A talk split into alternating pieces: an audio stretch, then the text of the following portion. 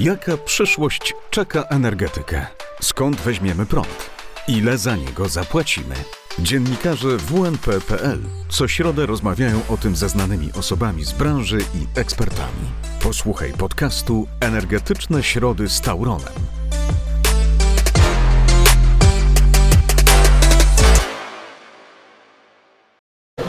Witam Państwa w kolejnym odcinku z serii Energetyczne Środy z Tauronem. Dzisiaj naszym gościem jest pan Wojciech Cetnarski, wiceprezes zarządu Polskiego Stowarzyszenia Energetyki Wiatrowej. Dzień dobry panie prezesie. Dzień dobry panu, dzień dobry państwu. Wydaje się, że teraz po, po kolejnych y, zapowiedziach o liberalizacji ustawy odległościowej na, naprawdę wz- wzrosły na, nadzieje na zmianę sytuacji na rynku energetyki wiatrowej, lądowej, ale zanim o tym, to proszę powiedzieć, jaka jest obecnie ta sytuacja, jeśli chodzi o development projektów lądowych, farm wiatrowych i sytuację w tych projektach w fazie wyk- wykona, wykonawczej. Na ile gigawatów możemy w najbliższych latach z istniejących, realizowanych projektów jeszcze liczyć?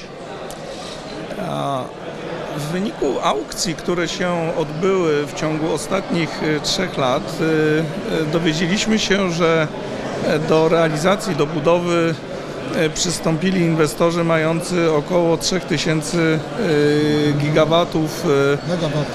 megawatów projektów do wybudowania i te projekty faktycznie są budowane. E, Zakładamy, że do końca tego roku, roku 2022, około 2 trzecie z tych projektów e, zostanie uruchomionych, a w przyszłym roku e, pozostała 1 trzecia, czyli około 1000 megawatów. E, Tym samym zakładamy, że wszystkie projekty, które przystąpiły do aukcji zostaną wybudowane i włączone do krajowego systemu elektroenergetycznego. E, Poza tymi projektami, które widzieliśmy e, w aukcjach, e, są też projekty, które w aukcjach nie brały udziału, natomiast jest to stosunkowo niewielka ilość, prawdopodobnie kilkuset megawatów, które się wybudują niezależnie od systemu aukcyjnego, które będą dostarczały energię na e, rynek, e, czy też e, w oparciu o, o giełdę energii, czy w oparciu o umowy dwustronne, czyli tak zwane corporate PPA. A jeśli chodzi o ten ry, rynek de, de, deweloperski, to on po uchwaleniu, wejściu w życie ustawy odległościowej stanął, stanął kompletnie, czy tam jakieś prace się jeszcze to, to, toczyły? Czy mamy, czy, czy są jakieś projekty za, zaawansowane inne niż te, co zostały sprzed ustawy odległościowej? A no niestety, wprowadzenie ustawy odległościowej w 2016 roku spowodowało, iż wszelka działalność deweloperska została praktycznie rzecz biorąc wstrzymana. E, I e, w tej chwili e, no, na palcach jednej ręki można policzyć projekty, które przetrwały ten okres zamrożenia. E, Oczywiście inwestorzy starali się e, uratować jak najwięcej z e, środków zainwestowanych w te projekty, no ale to jednak jest prawie siedmioletni okres bezczynności. Szereg decyzji administracyjnych wydanych dla tych projektów, czy umów podpisanych w ramach tych projektów po prostu wygasło. W związku z tym te projekty istnieją tylko, tylko z nazwy. Nowych e, działań praktycznie do zeszłego roku się nie podejmowano ze względu na to, że e, nie było żadnego, żadnych przesłanek e, skłaniających inwestorów do podjęcia e, ryzyka e, inwestycyjnego, e, gdyż no, ustawa nie była znowelizowana i nie było jasne, czy zostanie znowelizowana. Odkąd y, inwestorzy zobaczyli, że rzeczywiście rząd y, poważnie przystąpił do pracy nad nowelizacją, oczywiście e, i, i rynek na to zareagował i e, w niektórych przypadkach, w projektach, które e, były w taki sposób skonfigurowane, że można je było próbować odtworzyć, inwestorzy podjęli pewne działania mające na celu przywrócenie tych projektów na, na rynek, na przykład rozpoczęli od nowa e, monitoringi środowiskowe, no bo te, które były przeprowadzone 7 lat temu, czy, czy, czy 8-9 lat temu, kiedy te projekty były oryginalnie przygotowane do budowy, no to już wiadomo się stały nie, nieaktualne. Więc y, no, widać jakiś niewielki potencjał na następne lata, ale znowu mówimy pewnie o jakichś setkach megawatów, e, co w świetle wyzwań, jakie przed nami stoją, jest daleko niewystarczające, więc będziemy obserwować dość istotną lukę inwestycyjną na, na rynku nowych projektów, która może potrwać od y, dwóch do trzech lat. A czy w tym czasie, po, po uchwaleniu ustawy odległościowej, aż, aż do dzisiaj, mają, ma, mają Państwo, Pan ma taką wiedzę, że w tych nowych warunkach regulacyjnych z zachowaniem zasady 10H powstały jakiekolwiek farmy wiatro, wiatrowe? No, słowo farmy to w tym momencie jest trochę na wyrost, natomiast pojedyncze instalacje powstawały. No, na terenie kraju tak dużego jak Polska można znaleźć y, kilka, kilkanaście miejsc, w których spełnienie warunku 10H jest możliwe, ale jest ono możliwe do spełnienia przez pojedyncze turbiny, czy dwie, trzy turbiny, a nie przez parki wiatrowe składające się z kilkunastu czy kilkudziesięciu turbin. Więc y, to, o czym mówiliśmy 7 lat temu, że rynek tą ustawą zostanie zamrożony, to się wydarzyło. Fakt, że się w tym czasie udało wybudować y, kilka turbin czy kilkanaście turbin, no nie zmienia tego faktu, że jest to 7 lat, e, w których e, mogliśmy mieć znacznie więcej mocy e, elektrycznej i, być w zupełnie innym miejscu rozwoju rynku energii elektrycznej niż jesteśmy e, w tej chwili. A, I myślę, że w świetle tego, co się e, wydarzyło w ostatnich e, miesiącach, czego oczywiście nikt nie mógł przewidywać 5-7 lat temu, e, jednak widać, że odkładanie pewnych spraw, e, e, hamowanie różnych procesów niestety e, częściej się mści niż przynosi jakiekolwiek e, korzyści. Jakie będą skutki, zakładajmy, liberalizacji ustawy odległościowej, skutki w, cza, w czasie? Najpierw ruszy development, być może w pierwszej kolejności będą uruchamiane projekty w sensie, że zaczną być budowane te, które są objęte miejscowymi planami zagospodarowania, ale nie spełniały reguły 10H, tak to mniej więcej będzie, jak to Państwo widzicie? Zasadniczą zmianą, jaka nastąpi na rynku, będzie e, powrót e, nadziei wśród inwestorów, że ten rynek faktycznie będzie e, na nowo funkcjonował. No, trudno tutaj mówić jeszcze o powrocie zaufania, dlatego że zbyt dużo różnych innych rzeczy się dzieje, e, żeby e, inwestorzy mogli powiedzieć, że e, mają w tej chwili pełne e, zaufanie do systemu prawnego w Polsce. Natomiast krok pierwszy dobry krok w dobrym kierunku został poczyniony. E, Spośród różnych projektów w różnym e, etapie zaawansowania, które e, mieliśmy w roku 2015, e, kiedy rozpoczęły się prace nad ustawą odległościową i kiedy wstrzymano development tych projektów, oczywiście w pierwszej kolejności inwestorzy powtórzą, powrócą do projektów, które posiadają miejscowe plany zagospodarowania, bo to jest warunek podstawowy e, powstania jakiegokolwiek projektu wiatrowego w Polsce. I takich projektów niewątpliwie e, trochę w e, kraju jest. E, Natomiast dla tych projektów e, pozostaje kwestią otwartą e, ponowienie badań środowiskowych i bardzo często uzyskanie ponownie decyzji środowiskowej, która w międzyczasie wygasła. Jest kwestia skonfigurowania tych projektów w oparciu o nowe turbiny, których 5 lat temu nie było.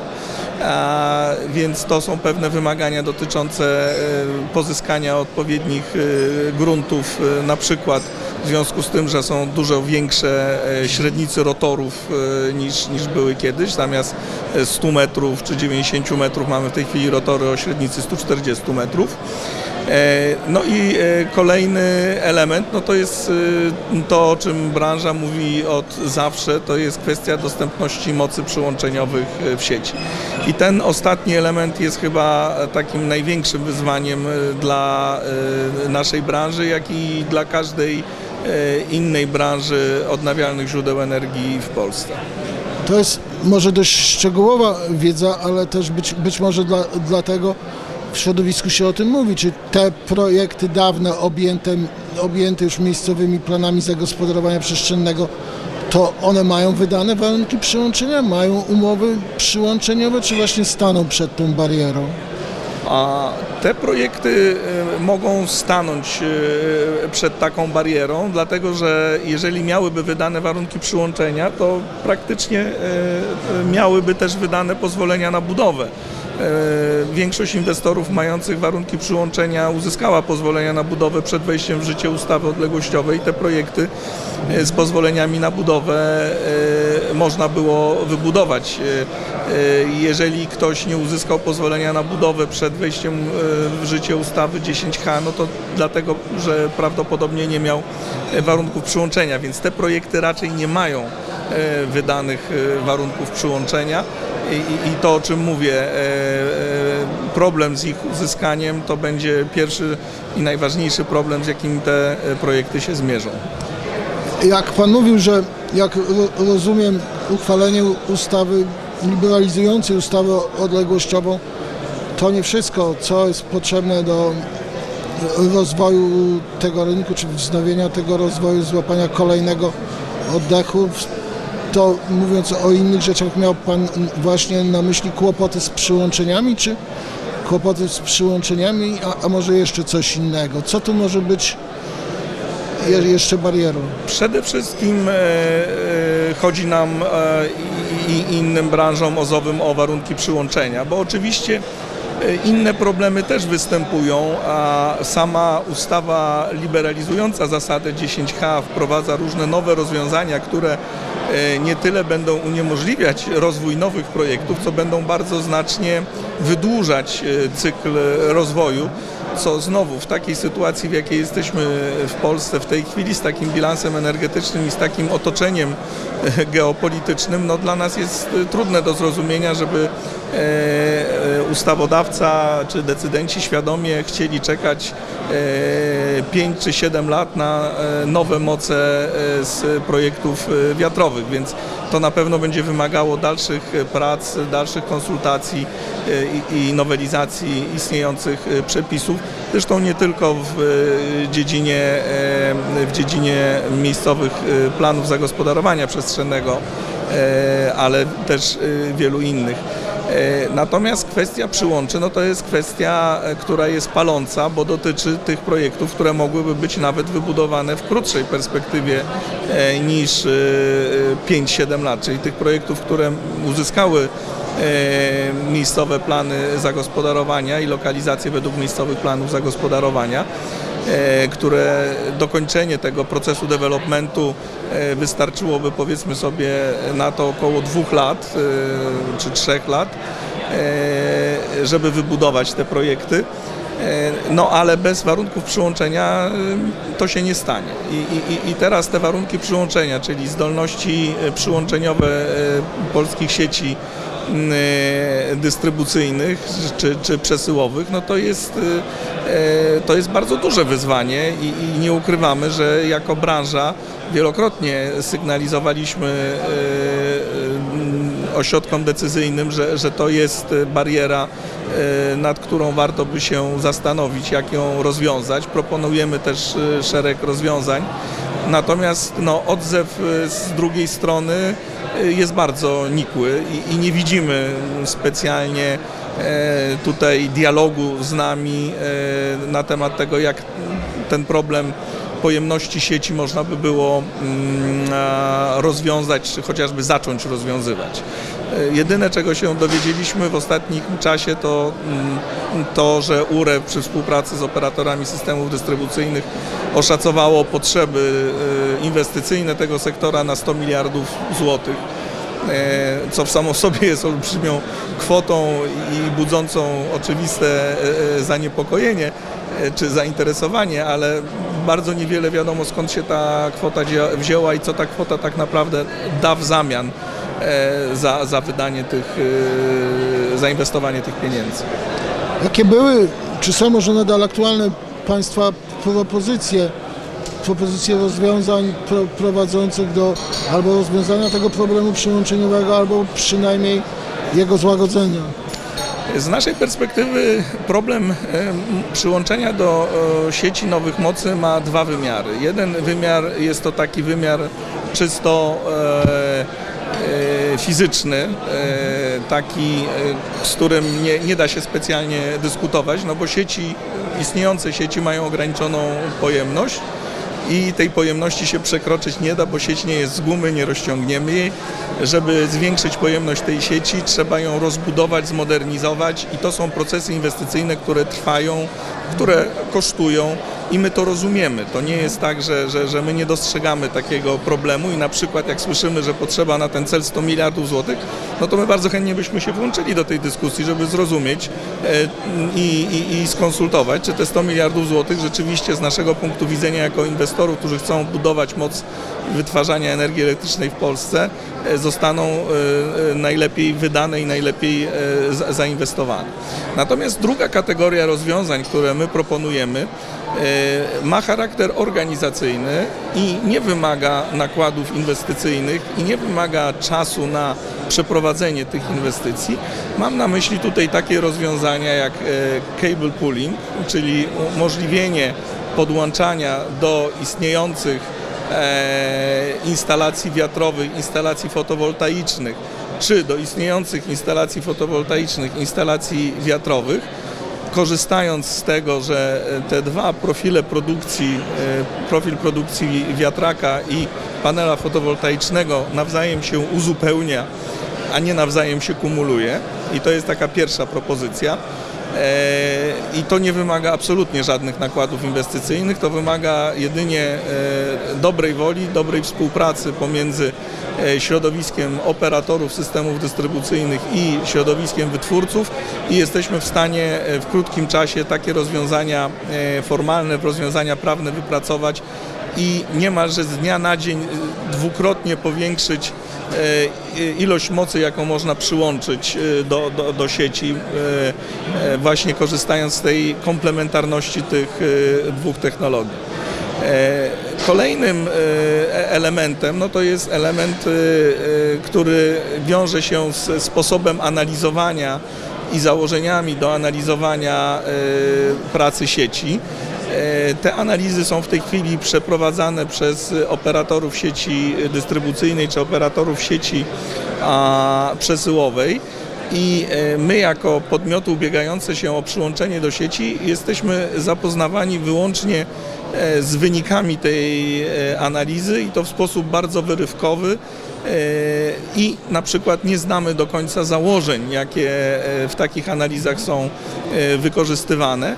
E, A kiedy się dowiadujemy przy okazji e, na przykład procesów, e, jakie się toczą pomiędzy niezadowolonymi podmiotami a, a mm, operatorami sieci dystrybucyjnych, jeżeli chodzi o to, jakie założenia w analizach zostały użyte, no to się okazuje, że te założenia są z naszego punktu widzenia niepotrzebnie ograniczające e, pracę tego typu źródeł jak e, źródła odnawialne. Ale to jest już bardzo szczegółowa i techniczna e, dziedzina wiedzy i, tego się w przestrzeni publicznej za bardzo dyskutować nie da. To, co nas natomiast zastanawia, to jest pojawianie się takich informacji, które nie są też nigdzie sformalizowane, a, a, a które e, przeciekają tutaj e, w różnych rozmowach e, do nas, jak na przykład to, że nie można wydawać warunków przyłączenia dla e, nowych instalacji, ponieważ e, system, krajowy system elektroenergetyczny musi mieć zarezerwowaną moc przesyłową dla morskich farm wiatrowych, dla projektu jądrowego, który ma ruszyć w 2033 roku.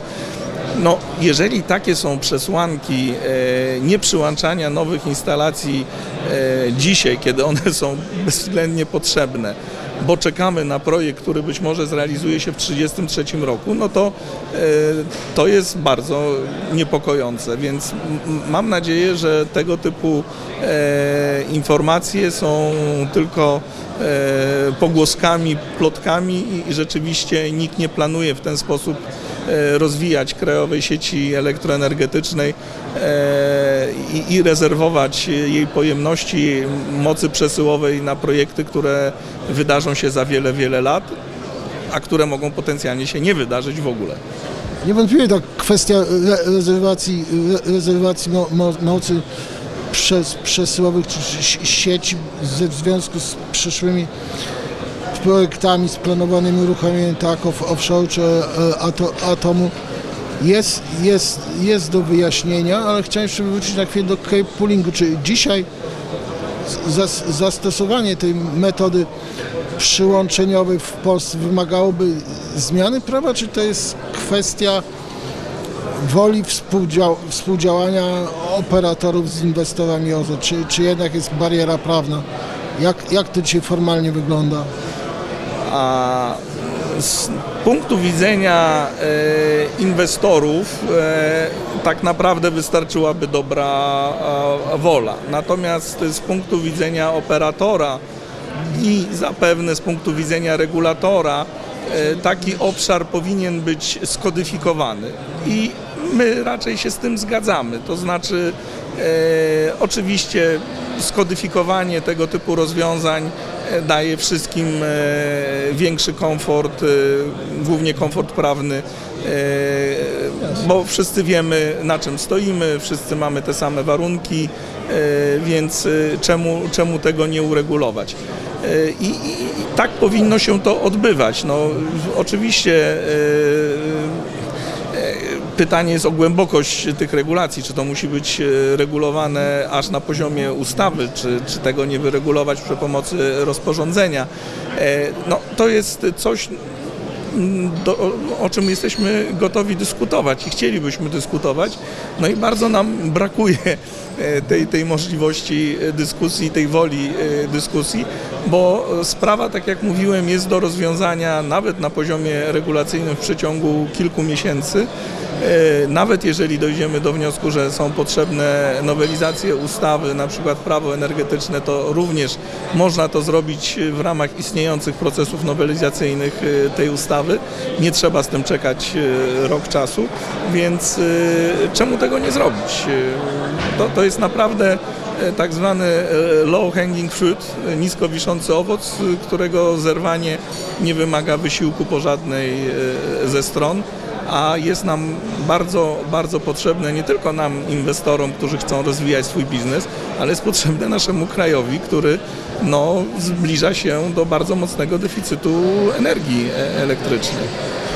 Jaki wpływ na procesy inwestycyjne w segmencie lądowej energetyki wi- wiatrowej będą miały te wy, wy, wydarzenia, czy skutki raczej wydarzeń ostatnich już, już wielu miesięcy, które wpływają na wzrost cen surowców, materiałów, ostatecznie na potrzeby inwestycyjne, kap, ka, kape, capeksy. To jest, to jest zjaw, zjawisko tego rosnących kosztów inwestycyjnych jest, może być ba barierą hamującą rozwój przy, przy, zało przy założeniu liberalizacji ustawy odległościowej? A sytuacja, która się pojawiła e, po wybuchu wojny w Ukrainie, e, jest e, elementem trochę dłuższego procesu, który zaczął się razem z początkiem pandemii koronawirusa. E, Przerwanie łańcuchów e, dostaw e, wywołane tą pandemią uświadomiło nam wszystkim, zarówno inwestorom, jak i producentom sprzętu do produkcji energii, że oparcie technologii odnawialnych o globalne łańcuchy dostaw, lokalizacja mocy wytwórczych tych technologii e, w e, odległych e, krajach, czy na przykład monopolizacja niektórych technologii, tak jak technologii e, fotowoltaicznej przez e, urządzenia pochodzące z jednego państwa, e, czyli z Chin, niesie ze sobą szereg e, zagrożeń i, i e, niesie ze sobą e, ryzyko e, nie tyle zwiększenia kosztów e, inwestycyjnych, ale w ogóle możliwości e, wykonania e, samych inwestycji, E, bo przerwy w dostawach e, poszczególnych komponentów były na przykład dość e, e, wyraźne i dość istotne. Następnie nałożyło się na to e, e, nałożyły się na to skutki konfliktu zbrojnego, wojny e, w Ukrainie. I rzeczywiście mamy sytuację, w której e, producenci sprzętu, firmy budowlane mają e, do czynienia z e, skokowym, mm, nierzadko wielokrotnym wzrostem cen podstawowych komponentów czy surowców, co przekłada się na wzrost kosztów oferowanych przez nie usług budowlanych czy urządzeń do wytwarzania energii. I to jest prawda, tak się rzeczywiście dzieje i te wzrosty tych kosztów y, mają często na tyle y, dużą skalę, że na przykład powodują e, e, utratę przez wytwórcę urządzeń czy dostawcę usług całej marży czy całego zysku, który e, miał założony na e, kontraktach, e, w kontraktach zawartych e, przed e, tymi wydarzeniami.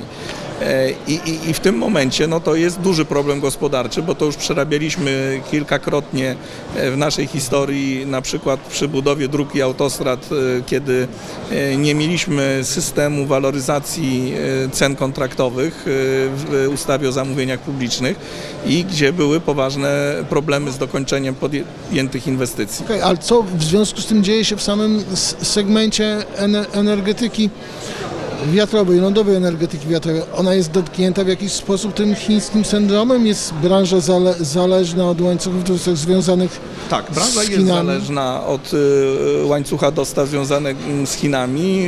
Y, Duża ilość komponentów y, do turbin wiatrowych była produkowana w Chinach. Ale też na przykład y, zauważyliśmy, jak duża część komponentów y, była produkowana w Polsce. I, I jakie przewagi konkurencyjne uzyskały firmy, międzynarodowe firmy produkujące turbiny wiatrowe, które miały zlokalizowaną część swojej produkcji właśnie w Polsce.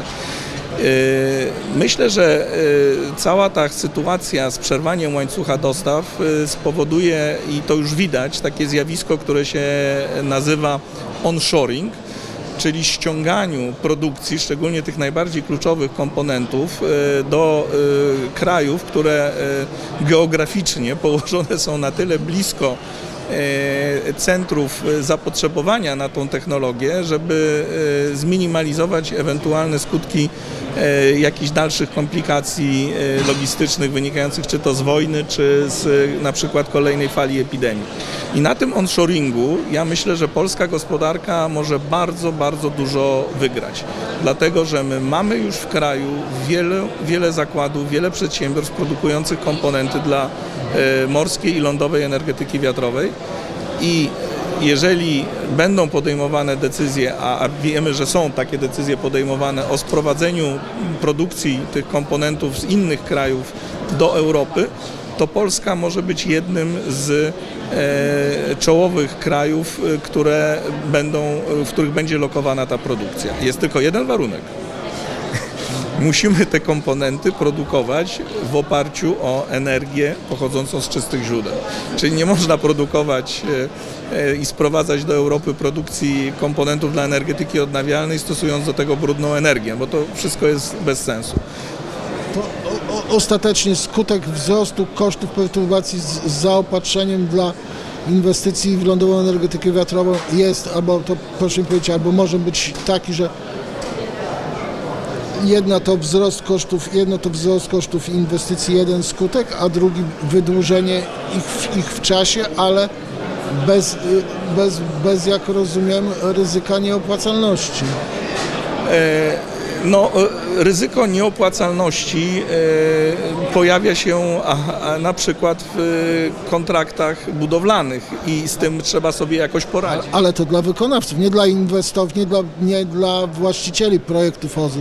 No tak, tylko że my, my, żyjemy w świecie naczyń połączonych. Nie możemy zakładać, że dostawcy usług, którzy budują dla nas e, e, farmy wiatrowe, będą to robili e, w sposób deficytowy, bo to jest nie do utrzymania w dłuższym terminie. Podnieśliśmy ceny, wzrosną koszty. Koszty muszą wzrosnąć, one już wzrosły. Już jest wiele takich sytuacji, w których odbywają się negocjacje pomiędzy dostawcami, czy to usług, czy dostawcami turbin, e, a inwestorami, którzy no, no muszą e, czy, czy chcą zaakceptować tą nową rzeczywistość. To się oczywiście odbije na nas wszystkich konsumentach energii, ponieważ no, te wyższe koszty inwestycyjne przenoszą się też na koszty energii e, ale na szczęście no, te koszty i ich przełożenie na koszty energii nie jest takie e, e, odczuwalne w bardzo dotkliwy czy bolesny sposób. E, koszty energii, które nam wzrosły w ciągu ostatnich e, miesięcy, e, wynikają z zupełnie innych czynników wzrostów kosztów na przykład paliwa, a nie samych technologii, więc tutaj znowu widać, jak technologie odnawialne lepiej sobie radzą w takich czasach jak konflikty czy, czy pandemie od technologii y, konwencjonalnych, które w swojej strukturze kosztów mają paliwa kopalne. E, dla nas kilku czy kilkunastoprocentowy wzrost kosztów inwestycyjnych y, jest możliwy do e, przeniesienia e, przy bardzo symbolicznym kilkuprocentowym wzroście kosztu wytwarzanej energii, a nie przy kilkudziesięciu procentowym koszcie wytwarzanej energii, tak jak to się dzieje w przypadku e, elektrowni konwencjonalnych. No, raz, reasumując, mimo wszystko dzisiaj w połowie 2022 roku w segmencie szeroko rozumianej lądowej energetyki wiatrowej jest więcej optymizmu niż rok, rok temu, czy to jest ostrożniutki jednak optymizm? E, ja myślę, że e, branża jako taka zawsze się cechowała optymizmem, natomiast e, życie nauczyło nas również realizmu. I myślę, że w tej chwili branża podchodzi z dużo większym realizmem do różnego rodzaju zapowiedzi. To natomiast, co jest dla nas bardzo ważne, to fakt, że chyba po raz pierwszy w naszej historii tak namacalnie wszyscy jako obywatele Polski dotknęliśmy czegoś, co się nazywa problemem niezależności i bezpieczeństwa energetycznego. Myślę, że to będzie lekcja, którą jeżeli przerobimy tak jak przerobiły ją społeczeństwa zachodnie w latach 70., kiedy odbył się kryzys paliwowy i, i dotkliwie e, dotknął konsumentów e, e, energii w Europie Zachodniej, tak samo po przejściu tego kryzysu przez nasz kraj będziemy mieć dużo większą świadomość tego, jak bardzo potrzebne nam są bezemisyjne, odnawialne źródła energii, które pracują w sposób niezależny od e, wszelkich e, czynników e, geopolitycznych i niezależnie od cen paliw kopalnych. Dzisiaj gościem naszego cyklu energetycznej Środy z Tauronem był pan Wojciech Cetnarski, wiceprezes zarządu Polskiego Stowarzyszenia Energetyki Wiatrowej. Dziękujemy panie prezesie. Dziękuję panu, dziękuję państwu. To był podcast Energetyczne Środy z Tauronem. Masz pomysł na nowy odcinek? Chcesz wyrazić opinię o naszym projekcie? Napisz na adres podcasty małpa